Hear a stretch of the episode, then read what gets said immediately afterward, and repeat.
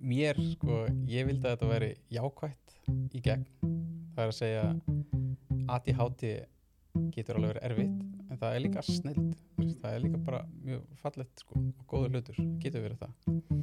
Fullt af hæfileikar ykkur fólki sem að væri sem að það bara hjálpar þeim að vera þessi típa af mannesku sko. En líka að vera ekki einhvern veginn eitthvað að skafa ofan af hlutunum þú veist að þú veist, það er alveg slæmur hlutir líka veist, en, en, en þú veist, yfir það heila þá er það bara samt allt í lægi, skilur þú veist já, og, og, og við gerum öll mistök, skilur, og svona er þetta bara Verið velkomin í lífið með ADHD. Ég heiti Bóas Valdursson og í dag rennum við út eh, nýjum þætti uh, þar sem ég hitti Ara H.K. Yates, uh, teiknara, uh, barnabókahöfund, grafinskan hönnuð og spekulant og við rættum aðeins málinn. Ari hefur teiknað mikið, gefið út bók um ADHD fyrir börn og gefur okkur aðeins insýnin í upplifun sína á því ferli að starfa sem teiknari að hvernig það hefur nýst sér nýst honum í að skapa sér starfsvettfang og, og lifa með ADHD og hvernig hann, hvernig hann þróaði þá hugmynd og, og, og koma því að skrifa bók með nýjóra vinni sínum um ADHD og líf ungra barna og aðstæður þeirra í daglegu lífi Ég þakka honum kærlega fyrir að koma í viðtal hjá okkur og deila með okkur sínum, sínni sögu og sínum pælingum. Þetta var skemmtilegt viðtal sem fór í allar áttir. E, í viðtalinu heyrist meðalans fugglásengur hérna út í gardi og fljóðilagnýr fljúandi yfir okkur. Vonandi skemmir það ekki neitt en e, áhugaverð, áhugavert viðtal og áhugaverð saga. Takk fyrir að hlusta. Lífi með að ég háti ég. Gjör svo vel.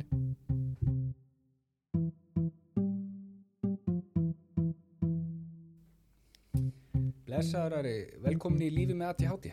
Takk hjálpa fyrir Gaman að fá þig hérna í þáttinn og, og uh, ná á þér. Hérna, þú ert inn í stöttustopp á Íslandi, skils mér?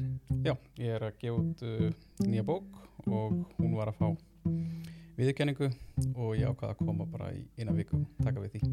Kekja, það verður gaman að heyra hans frá því. Hvað er hérna, að náður við höldum lengra, byrju hérna, hver er Ari Háki Yates? eða hvernig segir maður? Ég, Já, Yates, það er rétt. Þetta er móður, hérna, nafnum mitt er, hérna, ég er eitt fjóruði breyti og afi minn, hérna, sagt, kynntist ömmu minni eftir stríðið og uh, ég er skýrður Ari Hlinu Guðmundsson og síðan uh, bara tók ég upp fjölskyldunafnið. Uh, mér fannst það bæði, sko, sniðut út því að sem svona listamæður sem vil kannski vinna Erlendis, þá er Guðmundsson svolítið erfitt Svolítið lengra, já, já. en líka bróðið mömmu á ekki börn þannig að svona fjölskyldunafni hefði eiginlega dáið ef maður hefði ekki tekið upp sko. þannig að og Guðmunds, Ari Hlinu Guðmundsson Yates er svolítið langt þannig að núna nota ég alltaf bara Ari Háki Yates og rétt. það er sagt svona Yates, alveg rétt er Mjög gott, já, hérna náði ég að grísa það. já.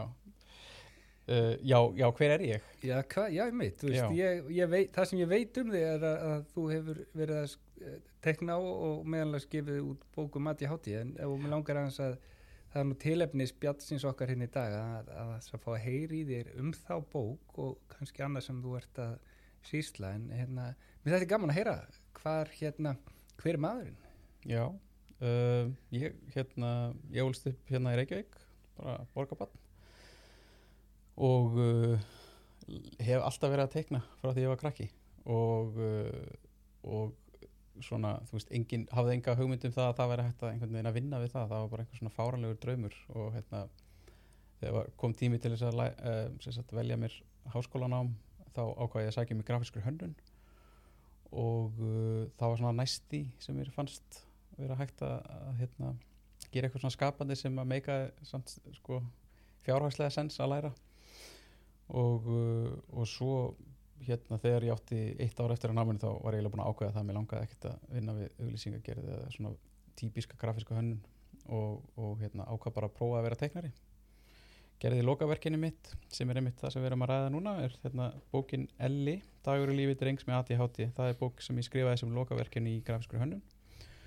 Og síðan uh, út frá því þá fór ég bara að uh, reyna að vinna sem teiknari, frílansa og, og, hérna, og hef síðan bætt við með háskólanámi uh, í því sem sagt að, að gera barnabækur, teiknumöndisögur og svo leiðis og ég hef skrifað nokkra bækur og teiknað nokkrar fleiri og, og hérna, þetta svona þetta helst bara nokkuð vel og hérna þannig að það er svona mitt líf og ég hérna, já, heima á núna út í Danmarku lærði, hérna, lærði teikningu þar búin að vera þar síðustu fimm ár já, Og- já.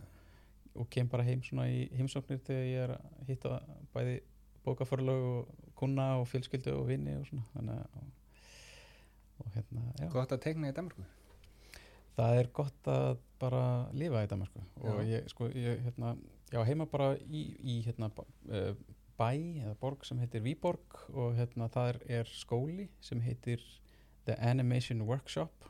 Mm.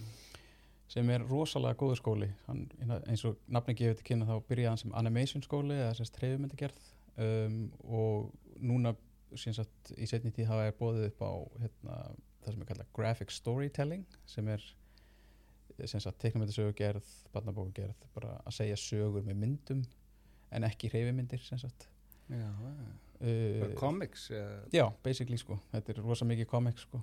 Um, og uh, ég held að ég hafi verið sko einhver, hvað, þriðji, þriðji árgangurinn eða eitthvað svoleið sem útskrifaði staðan þetta er ekki, þetta er ekki búið að vera lengi sko. Og en geggjaður skóli. Og náttúrulega, þú veist, bara á heimsmæli hvað það, þú myndir þurfa að taka marga miljónar krónur lán til þess að fara í svipaðan skóla í bandaríkunum eða Kanada eða, veist, örgulega meiri sé í Fraklandi eða Breitlandi já, já. en þessi skóli er alveg heimsmæli hvarða og mér á bent á að þetta væri góð skóli og ég, ég fór þangað. Þannig að um, þegar ég var búin í náminu þá bara já, hvað bara að vera kyrr af því að það er bara, þú veist, leigan er læri og matarverðið er læra og, og hérna e, bara svona, veist, þetta hefur bara svona viðhaldist svolítið sko. Já, það er gott búa í Danmarku ég bjóða hann tíma líka sjálfur. Já, já, það er bara ljúft að vera það sko. Bara, hérna, þeir eru með beður. Þeir eru með beður. Já, já, það er aðeins, skára það, er, hérna, það eru nokkru hlutir sem ég er pyrraður út í þá fyrir. Þau eru svona reglufastir og þurrir sko með Íslendinga. Ég er alltaf mjög svona þyrstur í samskipti við Íslendinga þegar ég kem. um, en, uh, en þetta er náttúrulega bara rosalega fallegt gott þjóðfélag að nóti sko. Ég saknaði mest að geta ekki færa á hverjum degi í sund. Það er nákvæmlega það sem ég er búin að vera að hugsa og gera síðan ég kom aftur. Ég bara, þetta er svo mikið forréttindi. Já, ég fattaði þetta aldrei Nei. að þetta væri forréttindi. Það bara, já, ég ætla að fara í sund. Það að fara í sund í Danmörku að veist, það að kalla þetta það sama, þetta er ekki það saman þetta er ekki það sama. Nei. þetta er ekki eins og nálægt því að vera það sama sko. bara, þú fyrir einhverju innisundlaug heitibókturinn er volgur. Já, þú veist, krakkarnir, rándýrt? Já, rándýrt þetta er bara, þetta er ekkert ekkert eins, sko, Nei, þannig að ég fyrir í sund bara á hverjum degi því ég kem heim, sko. Nákvæmlega. Ertu búin að vera að tekna síðan á skrakki? já, sko, fyrst uh, minningarnar af því að teikna ég var endar alveg ábyrjandi lélugur að teikna því ég var sex ára manni ég. Uh, ég var ennþá að gera hausfællur og það var gert grína mér fyrir það en þegar ég var nýjára þá man ég eftir að ég var orðin bestur að í bekknum. ég veit ekkert hvað gerðist, ég örgulega tekið því persónulega þegar fólk var að gera mér smá kefniskap í kallinu þannig að það var, veist, það var svona 70% teikningar og, og hérna, 30% skrif í mínum skólabókum. Já, já, og ég var alltaf mjög hérna, bara, hendaði mér mjög vel sko, og hérna en ég leit aldrei á þetta sem neitt annað heldur en tónstundar gaman, þetta, þetta var bara fáralegir draumórar að ímynda sér að vinna við það að teikna. Þetta er bara, veist, það er, bara, það er eins og að vinna við það að leika sér sko. já, já, já. um, en hérna en sko síðan hef ég líka einmitt hugsað í setni tíð sko, þú veist, það sem mér langar að gera er að reyna að ná svolítið til krakka sem að eru kannski í sömu spórum og ég var og hveta þau aðeins og sem sína þeim að það eru til einhverju valmöguleikar að, að gera eitthvað sem er óhefbundið ég hef stundum hugsað til þess veist, ef einhver hefur komið tíminn þegar ég var þeim aldri og sagt bara hei, þetta, er- þetta getur alveg verið atvinnaðinn að þá hefði maður kannski verið komin sko, í bókaútgáfur tíu árum fyrir eða, Já, já, að- vita af þessu möguleika já, já, og bara fengið smá svona kvartningu ég var að skrifa skemmtilega sögur sko, alveg þegar ég var nýjára og, og teiknaði sko.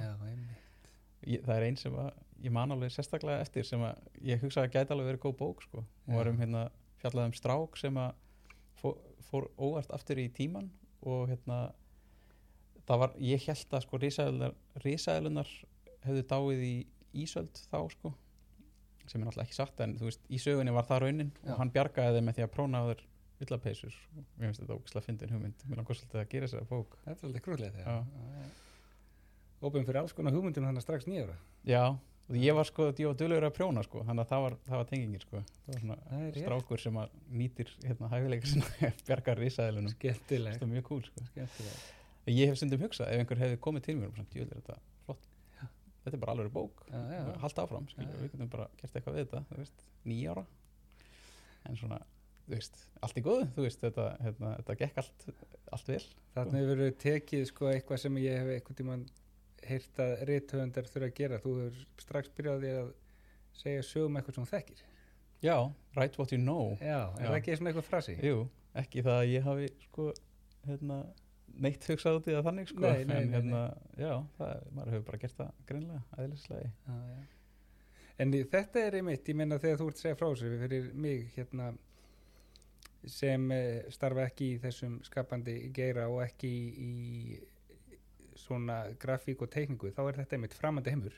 Já. Er þetta að vinna við að teikna og vera teiknari og, mm -hmm. og hvers konar störf eru það og já, þú ert svolítið áhugavert að þú ert ferð þarna í grafíska hönnun og þá er þá segir það mér kannski eitthvað meira eins og auðlýsingagerð og, og búa til logo og, og, og, og e- einhverjar, herrferðir og, og, og, og, og þess áttar e, hérna í auðlýsingum og, og netmiðlum og eitthvað en svo ferð þú og breytir yfir í yfir í teikningu og, og, og segja sögur og, og myndskreita og eitthvað svoleiðis, er það rétt skilið? Já, þetta er náttúrulega ég þekki alveg nokkra teiknara sem að læra grafíska hönnun og því að það er einhvern veginn svona það er praktíska leiðin sko. Mhm. og ég er ekkert að setja út á grafíska hönnun sko. en það eru svona mismöndi típur af grafískum hönnunum Einmitt. og sumir eru meira í þeir sem plumma sig best eru þeir sem eru aðeins meiri svona innan kassans sko. þeir sem eru utan kassans og vilja gera hlutina rosa mikið öðruvísi þeir kannski, það hendar ekki jafn vel að fara byndin á vinnumarkaðin en á auðlýsingastofu þar sem þú ert bara að selja hluti veist, Mhm. sem er bara sko fullkomlega eðlilegt og hérna þannig að þú veist, ég held að margir velja þetta sem svona safe route sko en síðan er líka bara geðveikt sniðugt að læra grafíska hönnun eða þú ert teiknari af því að Mhm. það er svo margt inn í þessu þú veist, þú ert að læra um texta uh, línubil hva, hvaða kannt myndir hann að framsetningu svona Já, uppstillingu, þú veist, hérna bara hvert ætlar að draga augað þú veist, Mhm. ég meina að það er eitthvað sem grafískar hönnur pælir í bara nummer 1, 2 og 3, þú veist, hvert, hvert á áhórandin að horfa fyrst og hvert Mhm. á hann svo að horfa og hvert á hann svo að horfa ég lærði hluti í grafískar hönnun sem að hjálpa mér alveg geðveit mikið já, já, já. þegar ég var í náminu út í Danmörku þá var ég að hérna briljant teiknara hana sem að, þú veist, ég var alveg minnumátt að kend gagvart þeim, sko, sumum og hérna, en síðan áttu við að gera plaggött einu sinni. Og ég var að sjá hvernig þau gerðu plaggötti sín og þau voru hræðileg, sko, og því að þau kunni ekki neitt í grafískar hönnun. Það myndir eru rosa flott en það er engin pæling með svona geðu textanum blás hvað á titildin að vera hvað á hann að vera stór með myndefni veist, svona hluti sko. Að, og náttúrulega þú veist að gera barnabækur. Ég bara, núna get ég bara, ég er teiknari en ég kann að skrifa sögur og ég kann að setja upp bókina sjálfur alveg frá byrjun til enda Mhm. þannig að ég get hérna, sett upp bók ábyrna þannig að það er alveg, bæði er það ekstra sko já. og því þú færði ekstra borga fyrir að setja bókina sjálfur en síðan náttúrulega líka er það bara svo frábært að vera með þá vitund að þú ert bara með hugan utan um allt verkefni, þú ert ekki með einhverja aðra manneski á kantinu sem er að segja að myndi, það er að vera minni eða stærri textin er ekki rétt staðsettur heldur ertu bara, þú veist, þú ert einhvern veginn bara með hendunar utan um alveg verkefni frá byrjun til enda. Það er mjög sniðut sko. svona tónlistumæður sem getur bæðið sami lag og text og tekið upp já, og samplað og þú veist, já, nokkulega sko, Já, já, já. og mixað og allt skilur þú veist, það er örglega bara ég held að sé að miklu þægilegri tilfinning sko. Einmitt, og allavega hafa skoðun á því einmitt, já, já, já, einmitt. Og vita svona aðeins hvað er á baki. Þú veist, þetta er náttúrulega allt rosa mikið svona tilfinningin, sko, þú veist, ég held að mikið af meðfætt, sko. Sumir eru með svona sens fyrir hlutunum svona en sko, eins og lítafræði líka þetta er að sama, sko, veist, bara stundum þarf bara svona rétt svo að segja einhverjum eitthvað til þess að hann fatti, sko, já, auðvitað veist, hérna, hvaða liti passa saman já, ég mun ekki vera með, ekki vera með grænan stafi og bláan bakgrunn, hann bara hverfur, skilur Já, eitthvað svona, já, þú veist. já, hérna, þú veist, það náttúrulega eru yndatekningar en ég meina bara sér satt ég lagði allt svona í, í, í grafíska hönnun og, og það var bara mjög, mjög gott sko.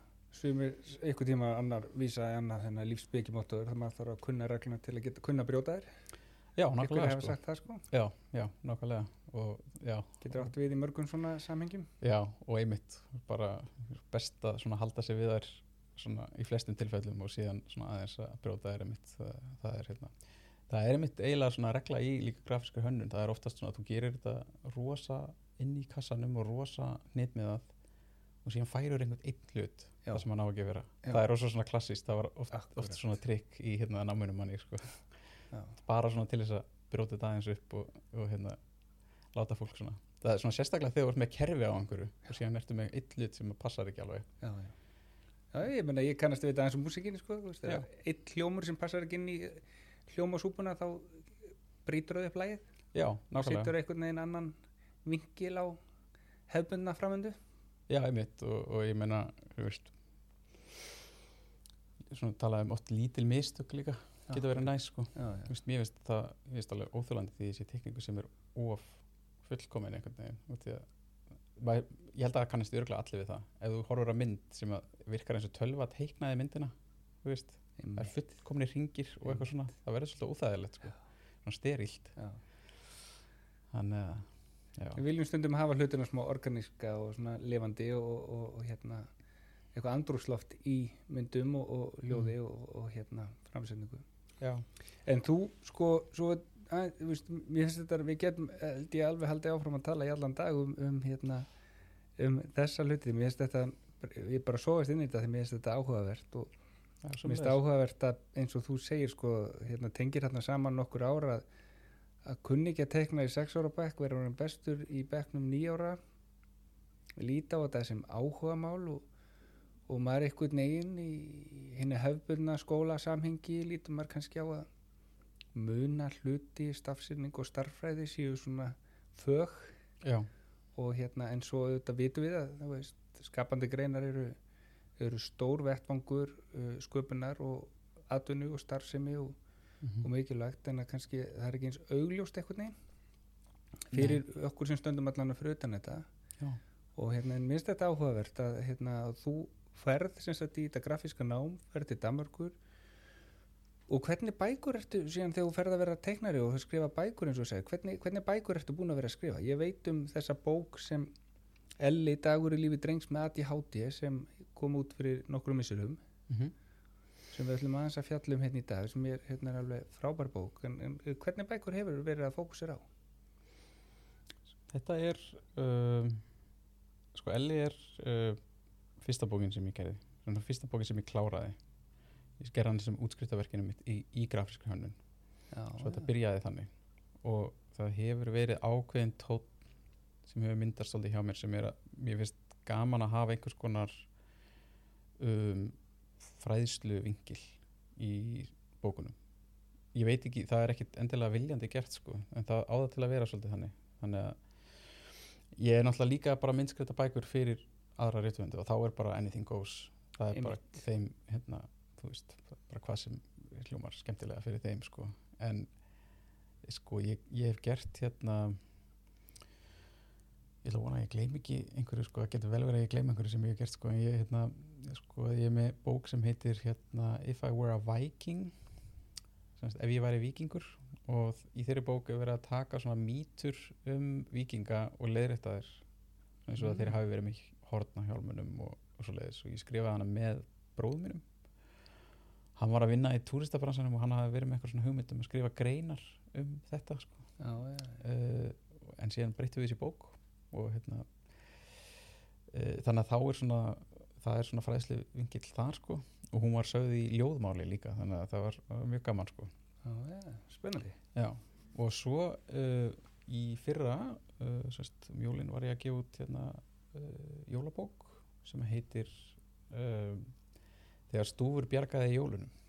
Og það var útskriftaverkinu mitt í náminu, hérna, teknináminu í Danmarku skrifaði hann á ensku og síðan hérna, já, ég reynda að síndi bara útgefandarum mínum, sem sett, hérna, Ívar hjá Nýhöfn heitir útgefandinn uh, Nýhöfn EHF og hérna um, hann tók bókina heim og sett hennar bara ekstra borðið og hérna uh, síðan kom barnabarnið hans í heimsókn og fór að skoða hana og fór að hlæja upp átt og hérna þannig að þannig að súbók fekk uh, útgáfu. Og það, það er sko fræðsluvinkillin í því er kannski meira ef þú væri útlendingur að læra um hérna, íslensku jólasveinuna sko.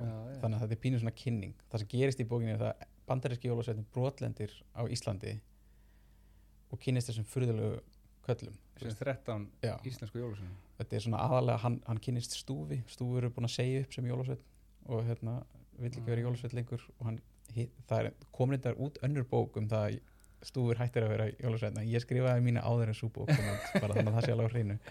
Mér finnst þetta frábær saga að það hefur verið hérna bann sem hérna valdan bunkanum. Já, já, það var mjög, sko, ég held, ég held að það hef ekkert verið á listanum hjá honum að gefa út þessa bók, sko, en hann bara, hérna, eins og ég segi, barnabók, barnabarnið kom bara í heimsókn og fór að hlæja upp átt úr, úr, hérna, úr bókinni, sko, og það var, svo útgáfa var á ennsku mér að segja, þannig að þetta er greinlega einhver klár stelpa sem að var að lesa, að, hérna, og djókið í þessu er ósa mikið að þeir eru, þeim finnst hver annars svo furðulegur, skiluru, að þú veist, bandaríska, ég finnst ógeðslega skrítið að vera að setja skóin út í glugga. Já, þú veist, og hérna og stúfi finnst fárlegt að, að vera þú veist, henda gjöfum í skorsteinin, sko, þú veist, er gerir á fyrir að þeir, þeir brotni bara þá þegar þeir lenda, sko þú er ekki það strompar á Íslandinu Nei, nákvæmlega, þannig að hérna, það er svona alltaf djók með það, sko. Hérna, stúfur er svona, svona fílupóki og jólasveitnin bandaríski er, veist stanslust ánæður og glaður og, og hérna, ká, kátur, sko. Hó, hó, hó. það er svona, já, nákvæmlega. Þannig að það er, það er djókið í þessu. Og síðan fara þau á milli og kynnast íslenskum álfum, íslenskum tröllum og þú veist, lenda í alls konar svona hremmingum sko. Og hérna þannig að þú veist, já, það er það er hérna það er uh, svo síðasta held ég sem að koma út og hérna, og síðan eru tvær að koma út á þessu ári. Já, já og það er fræðslu vinkill í annar eðra og hinn, hinn er uh, sagt, gerð með uh, ævari, hérna vísindamanni. Hún heitir skólaslit og hún er hrollvekja. Já, en sem sagt bókin sem er næst að koma út er þrautabók og hún er um Ísland og hún kennir það var einu upprænlega að hugsa fyrir útlendinga að læra um Ísland. Þannig að þú leysir þrautur um Ísland og lærir, lærir um landið á meðan þú sagt ert að þú veist kannski að hérna, spreita því að hérna, finna réttu leiðina eða, eða hérna, finna orðin eða þú veist hvað Já. sem það er. En svo ég færði alltaf svona staðrendur um Ísland á hverju síðu þú já, þú ert kannski að fara hringin eða eitthvað Já, einmitt, nákvæmlega sko. Það er, voru sumar þrjúnar eru mér sérstaklega ætlaðar til þess að leysa bara meðan þú ert að ferðalagi sko. Þá Já, þú veist, ef þú sérð hérna máf eða ef þú sérð raut strætóskili eins og gömlu strætóskili voru sem er Einmitt. orðin ansi fá og krossar í það sko. já, já, og hérna, þannig að það er svona fræsli vinkil í því hún kemur út á ennsku og íslensku og Þetta er svona mynd skreitt og með full, texta. fullmyndskreitt, fullum lit þetta er svona high, high class uh, þrautabók ég held að ég hef aldrei séð neitt líkt þessu áður sko. þannig að ég, Þetta kemur út í sumar það kemur út bara núna bara eftir nokkra daga bara já, hérna í miðan júni þannig að ég kem aftur eftir nokk bara kem aftur til Íslands uh, eftir hvað, ég veit ekki 15 daga eða eitthvað. Þannig að- Mókar þessu út. Já, já, ég kem og held partí og útgáfa hóf og það voru gaman. Gekjað Til hann ekki þetta, þetta er mjög skemmtilegt Þannig að þú ert, eh, verðst að síslast í ymsu Já. Svo, sko, svo tökum þetta líka aðeins hérna inn á uh, svona inn á uh, efni þáttarins. Uh, þessi fyrsta bók sem hún gerir Elli, dagur í lífi drengs með ADHD Mhm. fyrsta bókið þín þú velur að hérna, fjalla um ADHD og, og nýjára strák. Já, og hérna hvað, hvað veldur því, hvernig kom það til? Mér er svolítið ég, hérna, mm. mér er svolítið forvöldin að að hérna átta mig á því hvað, hérna, hvernig það svo hugmynd kviknaði. Já þetta var pínu random sko. Ég hérna eins og segi, ég var hérna búin að ákveða á síðustu stundu í grafisku hönnunar náminu að ég vildi vera teiknari. Þannig ég ákveða að gera barnabók og þú þarfst að pitcha sem sagt bókinni til hérna kennarana. Kynna eitthvað svona Kynna efnið og áherslur hvernig, hva, hvað viltu gera sem lokaverkefni verkefni þitt í þessu námi og akkur viljum við sjá það og þú veist, akkur þetta velja þetta og svona og hérna, það, ég má alveg gera barnabók, það er allt í góðu það er grafisk hönnun líka Mhm. um, sko, og svo ég man ekki eins og hvað ég kynnti fyrir þeim sko. það var einhver random hugmynd og þeim var svolítið svona ok, en þú veist, hvað er pointið í þessu þú veist, þetta er bara Mm. skemmtileg saga sem að sko e- mér finnst það í rauninni frekar lélegt sko ásökun, þannig séð út af því ég hugsa bara, veist, það tilgangur með öllum barnabókum er bara að skemmta og að fá krakkan til að læra að lesa já, já, já, já, ok, já Ég- mér finnst ekki að það þurfa að vera neitt point í barnabók annað heldur en það sko. Akkurat, en þau voru samt að þrýsta með að finna eitthvað point. Þannig ég fór að hugsa eitthvað svona og hérna reyna að finna eitthvað point sko. Og það hérna, er aðeins að reyna að augra sköpungáfuna þess já, ég, já, ég þurfti bara að finna eitthvað svona sem, sem, hljómaði vel sem pitch í rauninni sko þú veist, Akkurat, ok. fyrir kennarunum sko, svo í sletti en hérna um, ég sérst uh, ég átti og á enn vín uh, og vinkonu sem voru kæristupar sem áttu strák saman. Um, og hann var með ATHD og við vorum alltaf að teikna saman. Ég var svona Mm. skemmtilegi vinurinn. Ég get uh, sagt svo leiðis um sjálfan mig að, hérna, og hún er fast gaman að teikna og ég kom yfir og var að teikna og, og hérna, þú veist, hann var mjög mikill orkubolti þú veist. Ok. Um, ró haf- og að slaka á í teikningum og, og pælingum? Já, já, já, já, hann náði alveg að slaka á í, í, í, í þegar hann tók sér eitthvað svoleiðis fyrir hendur einmitt sko. Og ég, hérna, ég hafði gert sko, ég var unnið á leikskólum ég vann sem kennari í Kína og, og þannig ég hafði mikla reynslega því að vera að leika mér eitthvað að teikna með krökkum og stundum að gera eitthvað neginn þannig að ég sko, ég byrjaði að teikna eitthvað og síðan kláraði krakkin myndina eða hann teiknaði eitthvað og ég breytti því sko mm -hmm. Það var eitthvað svona mynd sem að, sem að hérna, þú veist kannski það kemur eitthvað svona mjög einföld típa af haus með augu á fyrirlegum stað og sem tek ég það og skikki það og gera það geðveitt skilur Dýfkar það veginn já og þá Já. virkar það svolítið fyrirlega og það- öll formin eru svo fyrirlega og já, blanda já. saman sko við hérna barnalegan stíl já, já, já. Um, sem er endar ekkit nýtt það ég hef alveg séð það áður sko en, en, en hérna minnist þess reyndar ekki að séð það þegar ég var að gera það en ég sérst fekk þessa hugmynd allt í einu sko að þú veist við myndum bara hérna, gera bók þar sem við erum báðir að tekna í bókina Ah. og það myndi koma svona skemmtilega fyrðulega út sko því að þú veist það kemur hérna einhver svona súper barnalegur hrár stíl og Já. síðan svona aðeins meira svona hérna detailed uh, hérna tekningar frá mér með því sko. Og ég bara hérna, síðan náttúrulega bara þróaðist hugmyndina eins og hugsa, hvernig myndi því, ég útfæra það sko. Og það ég bara svona hugsa, já, að gerir bara bókina um hann. Og hann er alltaf að teikna þannig að hann lítur að vera að teikna í sögunni. Og allt sem hann teiknar það teiknar raunverulega krakkin ef þú Mm, skilur hvað ég á við. Þannig að já, veist, já, karakterinn í sögunni allt sem hann teiknar það er semst raunverulegi strákurinn sem að teiknar það. Já, já. og til þess að vikita svona aðeins meira til að hafa aðeins fleiri myndir eftir hann og því að þú veist, það var ekki maður geti ekki verið kannski með mikið magna af teikningum eftir hann ef að það væri bara það sem að hérna sagt, já, æ, þetta flókin útskýring en, en sem sagt já, hvað sem sagt, líka allt sem hann ímynda sér út því hann er með svo mikinn svona uh, auðvöld með að gleyma sér í leik og svo leiðis Mm. að allt sem að hann ímynda sér það teiknar hann sjálfur líka sem sagt og uh, ég man ekki nákvæmlega hvernig það þróaðist sko, en þú veist, ég bara ákvaða að, að á einhverju tímapunkti ég líklega í samræði við mömmans bara að uh, undir bara taka uh, sem sagt bara bókstala hluti sem hafa gerst fyrir hann í sagt Mm. þessi strákur sem er sonur uh, vinafólks míns við ætlum bara að taka sögur af honum og það er bara bókin Mm. um, og þá væri þetta svona einhvern veginn tilvalið að vera bara eins og ég segi, veist, eins og titillin gefið til kynna veist, bara dagur í lífi hans að púsla svona eftir samtömi við hann og foreldra svona einhverjum svona sögum sem þú lætur gerast yfir einn dag já, og þetta er því nú líklega svolítið leiðilegt ef að maður myndi bara raunverulega taka dæmi ekki dag sko, veist, uh, þannig að við svona við púsliðum saman nokkrum sögum sem að make the sense.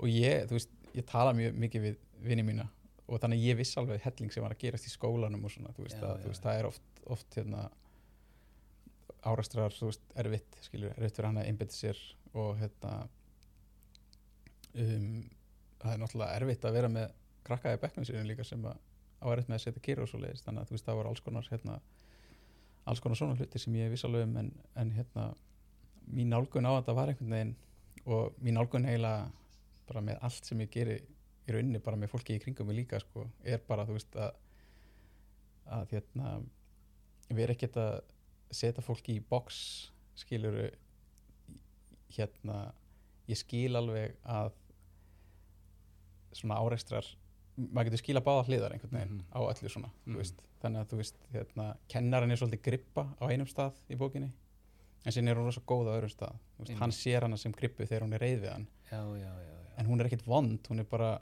skiluru, hún er líka bara manneskja og síðan missir pappin stjórn á skapið sínu við strákin og hann var hann var að hefða sér illa. Mhm, maður skilur hann alveg, hann var bara að gleyma sér í leik. En maður Mhm. skilur líka alveg pappana því að Mhm.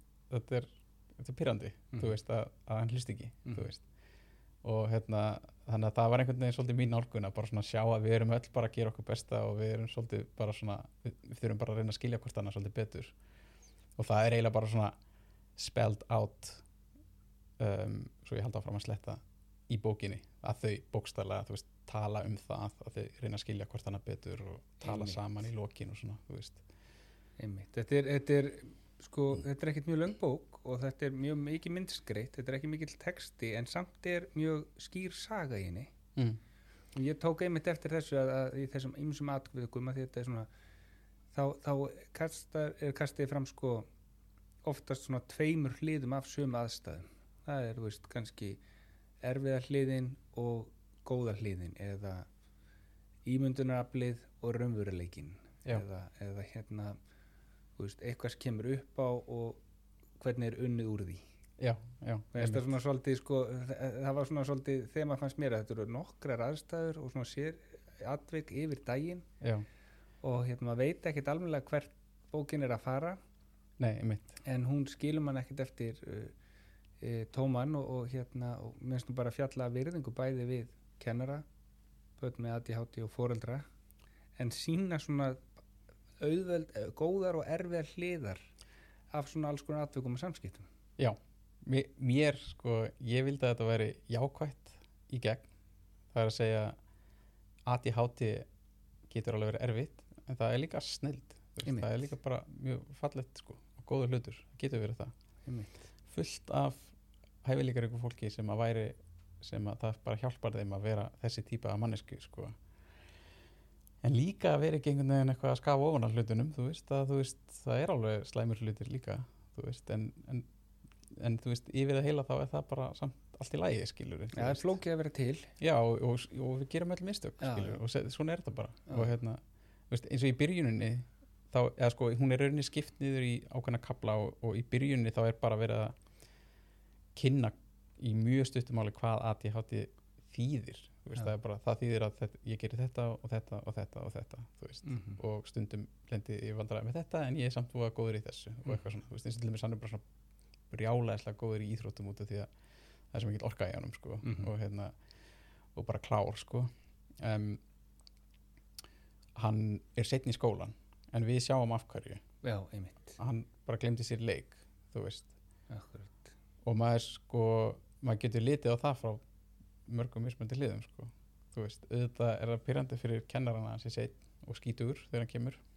En það er samt alveg snilt fyrir hann að hann hérna Kom glæður í skólan já, og fekk að leika sér og kannski, þú veist, hver veit hvað kemur út úr því, skilju, það er líka mjög mikilvægt að hreyfa sig, það er mjög mikilvægt að geta glemt sér það er mjög mikilvægt að, hérna, að leika sér og, Hann var ekki að gera neitt af sér. Já, þannig að þú veist það eru svona litlir hlutir sem að kannski við spáum ekki mikið í en eru að gera rosa mikið gagn veist, Mhm. þegar krakkar eru að leika sér þá eru þeir að gera rosalega mikið gagn. Þú veist, En þannig geta hann að vera kannski svolítið skammaður fyrir að koma sitt já, en varir samt ekki að gera neitt af sér heldur var bara að leika sér. Emitt, og þá verður ákveðið miskilningur emitt og síðan kannski er emitt svolítið svona pælingin er svolítið svo að sína líka að það er það er alveg jákvæða hliða við það þú veist, þannig að hver veit hvað, það sérst ef þú myndir setja og alltaf neikvægt spinn á það að krakkin sé að gleyma sér sko að myndi hann byrja, myndi einhverja skömm við það mm -hmm. Og þetta væri kannski eitthvað sem geti nýst honum rosalega vel í skapandi starfi setna í lífinu og hérna, svo ekki sér talað um bara líkamlegt heilbriði Ég meina algjörlega, ég á- átti samtal við fóreldrar um daginn og vorum þetta að tala um strákin sinn sem að hérna er æðisljúr Mm. með mikið ADHD mm -hmm. og hérna og það sé stundum svolítið þreytandi hvað hann fær mikið af hugmyndum Já. og þá var hann einu meginn í íbúðinu og hann greipið á lofti og bara kom út með kassan rosasáttur ég er rosalega góður í að fá hugmyndir mitt og þetta er náttúrulega augljóslega sko, brjálæðislegu styrklegi Já. að hérna sköpunarkraftur, láta sér dætt í hugluti velta hlutum fyrir sér, Já. hugurinn alveg fullu Já. en á samtíðin kannski stundum þreytandi Já. að vera að fá endalaus þess að fyrir fóreldra og aðra Já. veist að vera að fá endalausa svona bolta og hugmyndir og, og, og svona framleiðslu ég En- tengi alveg við það en alveg klárlega hluti sem fóreldrarnir höfðu sem betur fer, þú veist, mikið umbyrjulendi og skilning Já. og gleði af þessu, Já. þessum eiginleika og maður getur ímyndið sér aðstæður sko, það sem er tekið öruvísi það sem þetta er bara veist, hætti þessu helvítis kjaftaði skilur þetta er orðið gott, já, bara, Já. þú veist, bara sheimaði í drasl Já. þú veist, maður getur ímyndið sér það. og þú veist, þetta er bara svona tveir mjög mismunandi alveg gjörsamlega mismunandi raunveruleikar sem að það getur leitt til þetta er bara flæðir, þetta er bara, svona, Já. bara upp úr hu- huganum hjá, hjá drengnum og mjög einlegan og fallegan hátt sko. já, og hver veit hvað kemur á endanum upp úr því skilur, hvaða hugmynd, þú veist, einhver staðar koma allar þessu hugmyndir sem er að gera líf okkar betra sko. það er alveg hérna, þetta er alveg verðt þess að spá í sko. líka Megum- bara svona hvaða hérna sko í, þjó, í þjóðfélaginu okkar þá, þá erum við með ákveðna áherslur en hvað ef áhersluðan væri aðeins öðruvísi þú veist Mhm. hvað myndi það leiða til meiri sköpunar hérna gáfu þú veist Mhm, til dæmis mhm. og, og hérna veist, ég, ég er enda mjög umbyrðalindu gagvart því að fólk vilji hafa kerfi á hlutunum þannig ég skil líka alveg kerfið að vilja ekki vera með of mikið af svona Mhm. kaos í gangi Mhm, sko en mhm. e, það er mikilvægt að læra íslensku og, ensku og, og lesa og hérna starfæðið og allt þetta sko en bara þetta þú veist, umbyrðalindi, þú veist bara það, attitútið sko Mhm. ég held að það sé alveg bara skiptir bara gríðarlega miklu máli sko ég held að og ég held að bara við höfum aldrei kannski aldrei þurft jafn mikið á því að halda í svona nútíma samfélagi sem er alls konar eh, ólíka eiginleika ólíka menningar heima Mhm. um, og, og gerir á fyrir fjölbreytileika og mör- mörgum sviðum sko. Það reynir á umbyrðalindu okkar sko, svo ólíkum þú veist, bara út um allt maður er, maður er stöðugt að, að, að minna sig á það hvað það er mikilvægt sko. Já, og ég held líka að við þurfum aðeins kannski að uppdeita hjá okkur sko hugbúnaðin hvernig við hugsaum um þjóðfélagi út því að efnahagurinn byggir ekkert á því sama hann byggði á fyrir 30-40 árum Einmitt. og ég, mér sýnist þetta líka vera að breytast rosalega mikið þegar Já. ég kemur inn á skóla og finnst mér attitútið eða sko viðhorfið hjá kennurunum vera mjög svona miklu betra heldur því eins og ég man eftir því allavega sko Einmitt. Það er svona, svona meiri hérna mýkt og meiri svona Já. umbyrlindi og, og hérna sköpunargleði, mér finnst það allavega sko þegar ég kemur í skólan Akkurat, og ég meina fullt af fólki að vinna í dag við störf sem voru ekki til þegar þetta fólk byrjaði í skóla þú veist, nákvæmlega. 20 árum síðan eða 15 árum síðan var engin, það var engin að vinna við búið til upp já einmitt sko og getur ímyndaðir hérna allt þetta fólk sko það, þetta skapandi fólk þau eru öll með einhverja svona hálfurðulega sögur finnst mér sko svona Mhm. fólki sem er svona í hérna farabróti sko að Mhm. vera að finna upp einhverja skemmtilega nýja hluti eins og einhver, einhver upp og, og hérna hérna kannski einhverja svona herferðir til þess að koma eins og fyrir ferðafólkið og svo leiðist þú veist og, Einmitt. og hérna þetta er svona einhvern veginn og líka náttúrulega eh, eftir þetta hérna automation dæmi þú veist með hérna það er alltaf verða svo teknilegra og teknilegra maður, veist, það gerist svona svolítið hægt og bítandi en við erum kannski Mm. ekkert vola meðvitið um það, þú veist, að Mm. hérna eins og bara, þú veist, afgræslu fólkið er að hverfa út því að þetta er alltaf orðið tölvu og hérna búðurnar bara, maður kaupir allt já, og, meiri sé að setja hlutina saman skilja, ég minn eins og Amazon í bandaríkjurum þá er þetta bara, þetta er bara velmenni að gera þetta allt skilja, og, og horfir á bara verksmiðuna hjá þeim, það er bara eiginlega ekkert fólk annað eftir, sko Einmitt. eða svona prósentilega miða við alltaf vinnuna sko. þannig að við þurfum að við þurfum á sköpun að halda sko. en mér finnst þetta, eh, sko þegar ég las þessa bók líka, þá fannst mér þetta og ég hef heyrt að, ég var að tala við unnir aðið hátíð samtökunum og, ég hef heyrt að sko, mörgum fóreldrum finnst þetta skemmtileg bók og Já.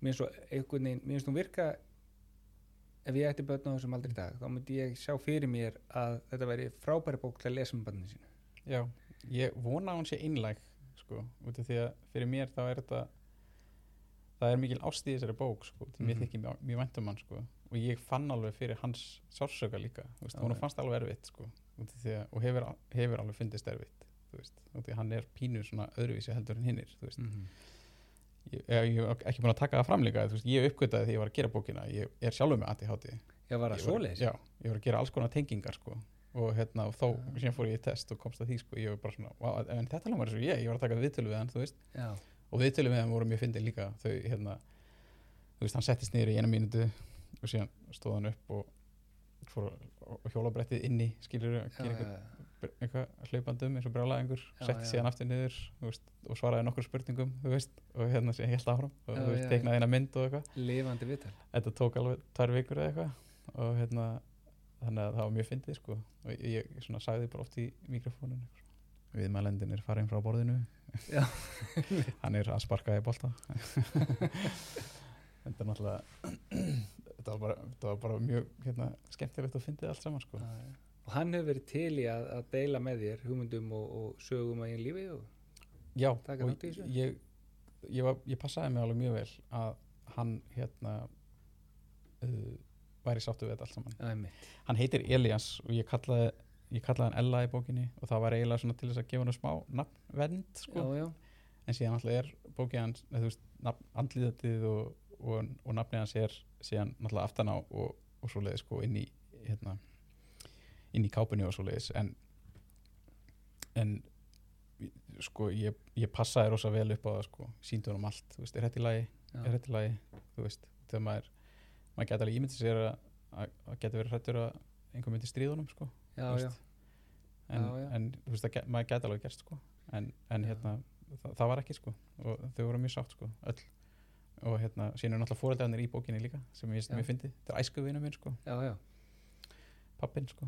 Eða stjúpappin en hérna um, já, og mjög gott að, heyrir, að, að heyra þið segja þetta með að, að fólki finnist þetta skemmtilegt út því að ég, það sem ég heyri að klíja mér um hjartaræðunar ég, hérna nummer 1, 2 og 3 mammans bara það sem hún segir bara hún lærði að meta svon sinn betur já. eftir að lesa bókina. Hún skildi hann betur En fallið. við þetta, veist, að taka viðtöl við þau og síðan sýnt einhver bara, meiri skilningur hvað, hvað er í gangi hjá honum skilur, þetta er bara að hugsa aðeins um það aðeins frá annara átt þú veist það, fólk náttúrulega festist bara svolítið inn í ekkottímpur í öllu sem það gerir, þannig að þú veist, eins og þegar ég hitti vini mína og það er eitthvað svona ruggli í gangi inn í samböndinu þeirra það sem er, að þetta er alltaf það sama þetta er alltaf svona, þau eru búin að aðlaga sig að raunveruleikanum sem er bara inn á milli þeirra þau sjá ekki alveg Nei. skýrt sko, að ég er að gera eitthvað aðeins óvennilegt hérna. ég er ekki að, ég er ekki að standa mig eins og ég er ekki að koma fram alveg eins og ég myndi vilja koma fram en þetta er bara orðið vennilegt milli þeirra sko.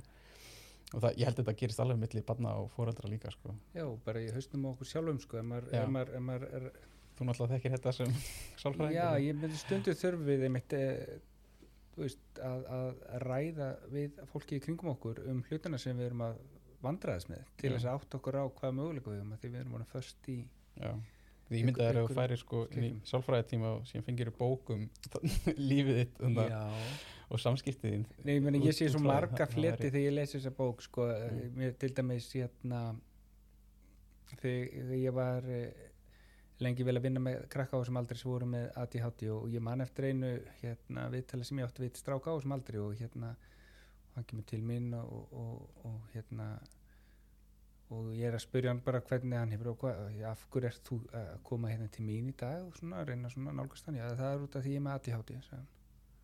Já og, og, hérna, og ég, ég er á lifjum og er að taka töflur.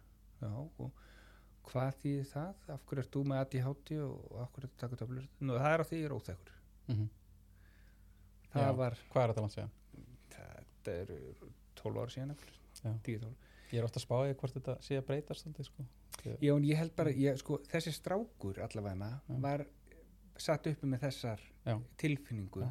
og, og að ég, útskýringu ég var líka svona Já. ég, tengi við þetta sko. Já, óþekkur, ok, sko. merkilegt sko.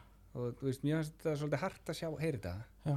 því að, sko ég myndi aldrei sitja saman sem merki að vera óþekkur og að vera ADHD Nei. og börn með ADHD geta tekið plás og börn með ADHD geta líka alveg verið óþekk eins og önnu börn, það geta það allir en þú ert ekki sko, en það þarf maður kannski að skilgrana hvað þýðir að vera óþekkur sko. akkurat sko. og hérna en bara ger ekki þess að er sagt já, hlýði ekki skipinum Já, þú veist hérna en sko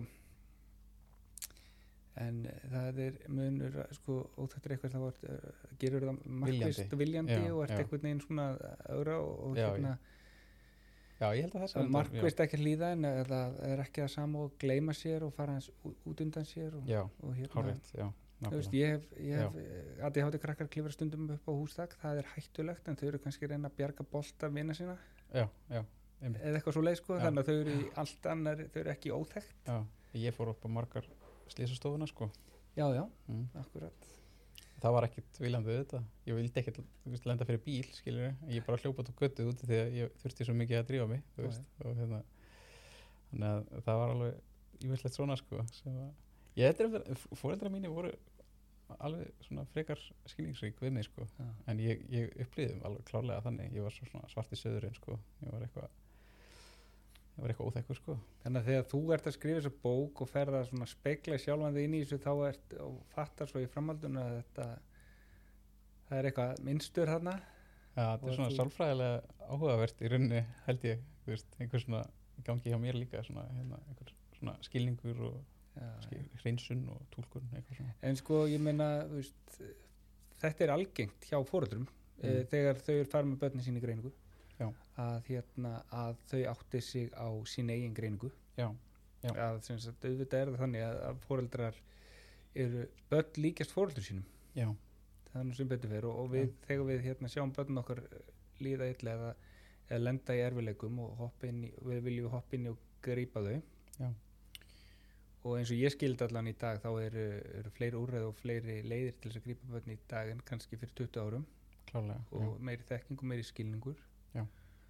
og það er þá bara tíði það, það er stór hópur af fullorna fólki sem að hérna fóri gegnum skóla, nám og er komið á meðan aldur og er ekki mennina greiningu já. Mm búið að við ymsa hluti og lífið og, og ná tökum á ymsum hlutum og, og Já. hérna, hérna en tengi við það að hafa verið með að ég hátti líka enginni þegar það voru börn og, já, og það er þess vegna sem þessi stóra hópur er að fara oft í greiningu núna á Já.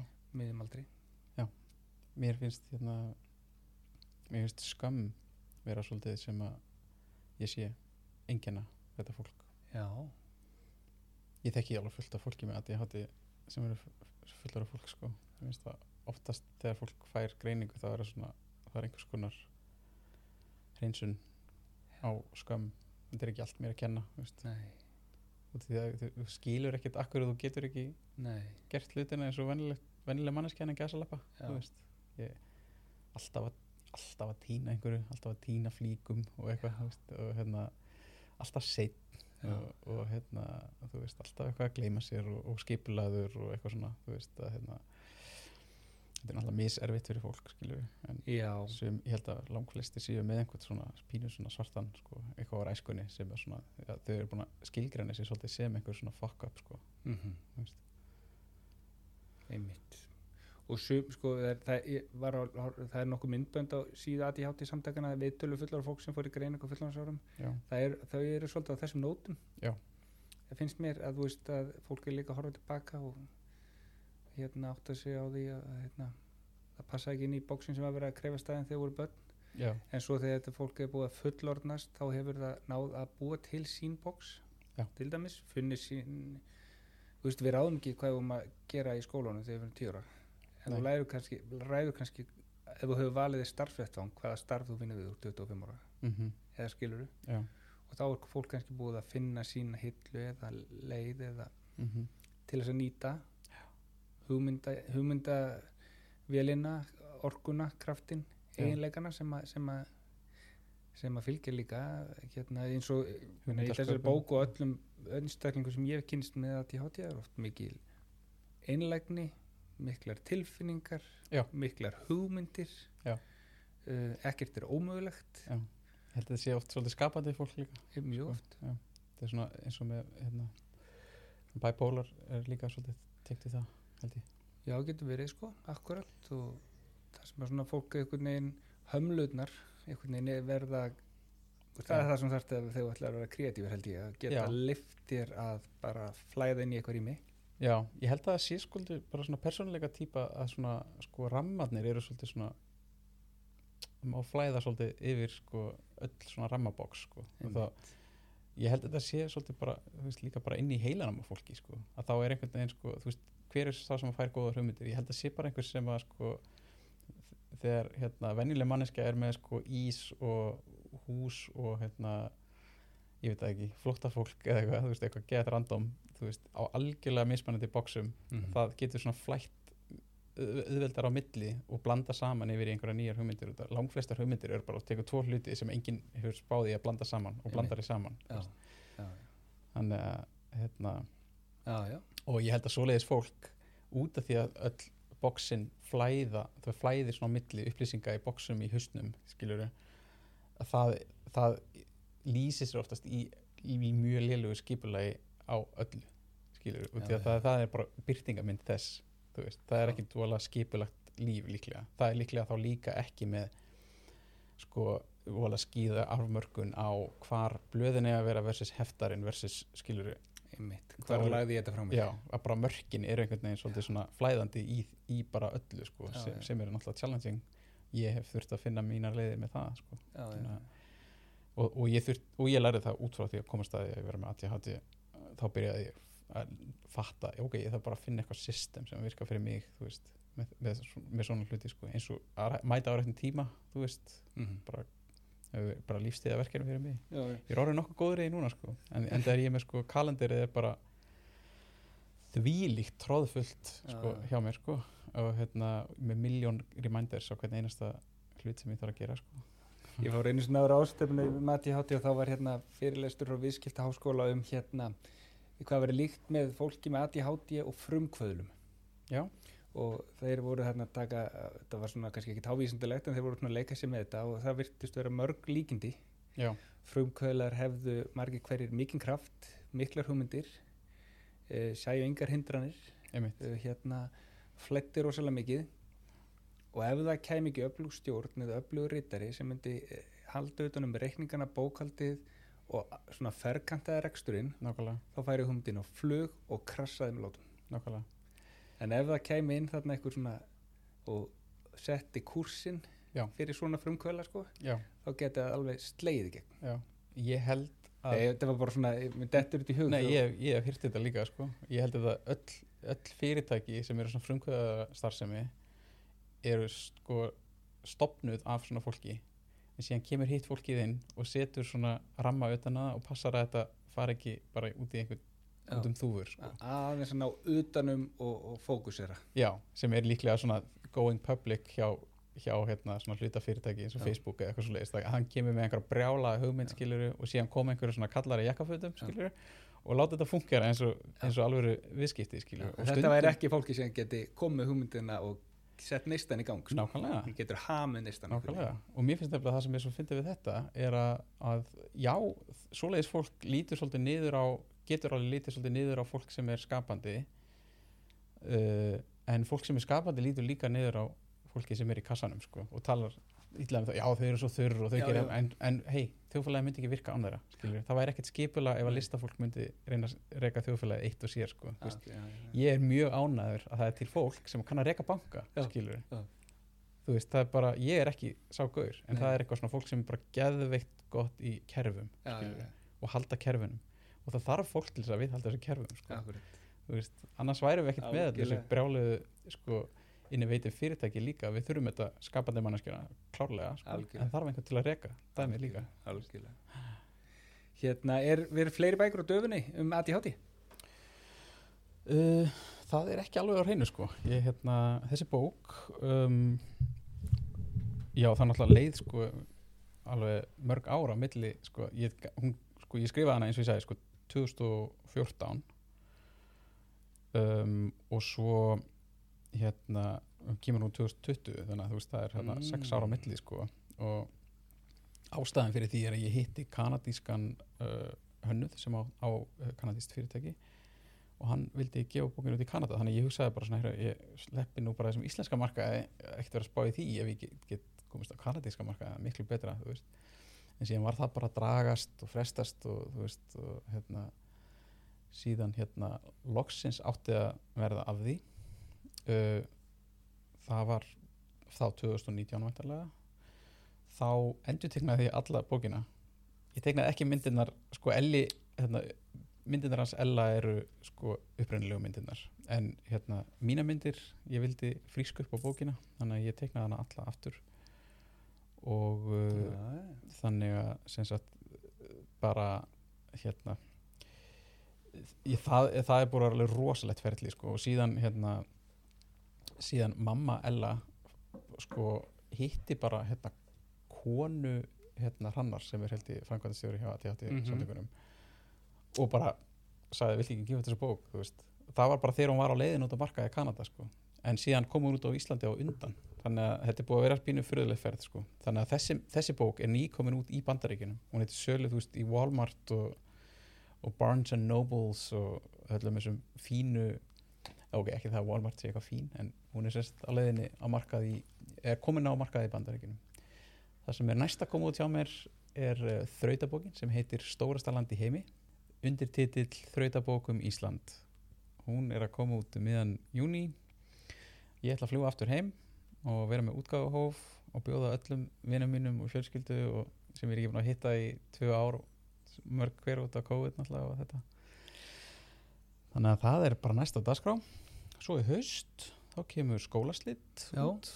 Uh, hún er klikkuð og er hérna rosa skemmtilegu sniði það verður bitfar í bókinni sjálfri gegnum alla bókina. Og þetta er uppvakningar. Það snýst hérna, hróllvekja þetta verður það spennandi er hérna já. Ævar nokkur vísindamæður sem skrifaði þá bók Ah, og svo kemur uh, bók nummer 2 skólaslit 2 hún kemur út á netinu. Þessi bók sem sagt skólaslit kom út á netinu og nú er hún komið til prentuðu form Já, já, þannig að það er, þetta verður hérna bara nóg að gerast í sumar. Tvær bækur að koma út í röð. Já, það er já. rosa spennandi meðan við erum búin að tala saman og við erum að tala um teikningar hérna áðan þá hérna rifjast upp saga þegar ég var með sögumbúð fyrir krakka með ADHD fyrir nokkrum árum.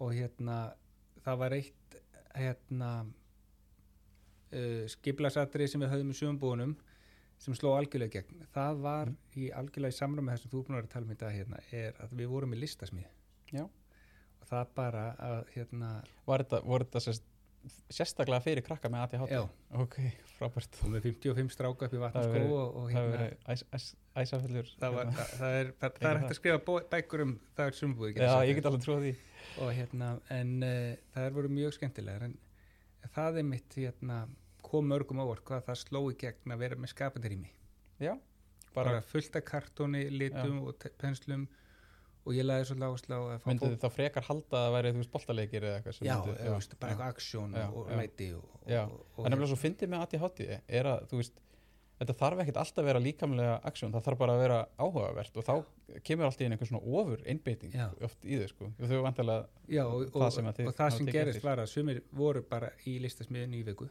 Já, já, já. Það var bara þannig, Já, bara fundu oh my í því það hefði verið geðveikt fyrir mig. perlu um 10.000 perlur á fyrsta degi fyrsta tveimur, þú veist að senda eftir fleirum gekkja, en hérna það, og það var líka veist, svolítið aðrið að hafa einhvern starfsmann sem að kunna aðeins að vera leiðsegja þeim já, en á sama tíma leifa þeim.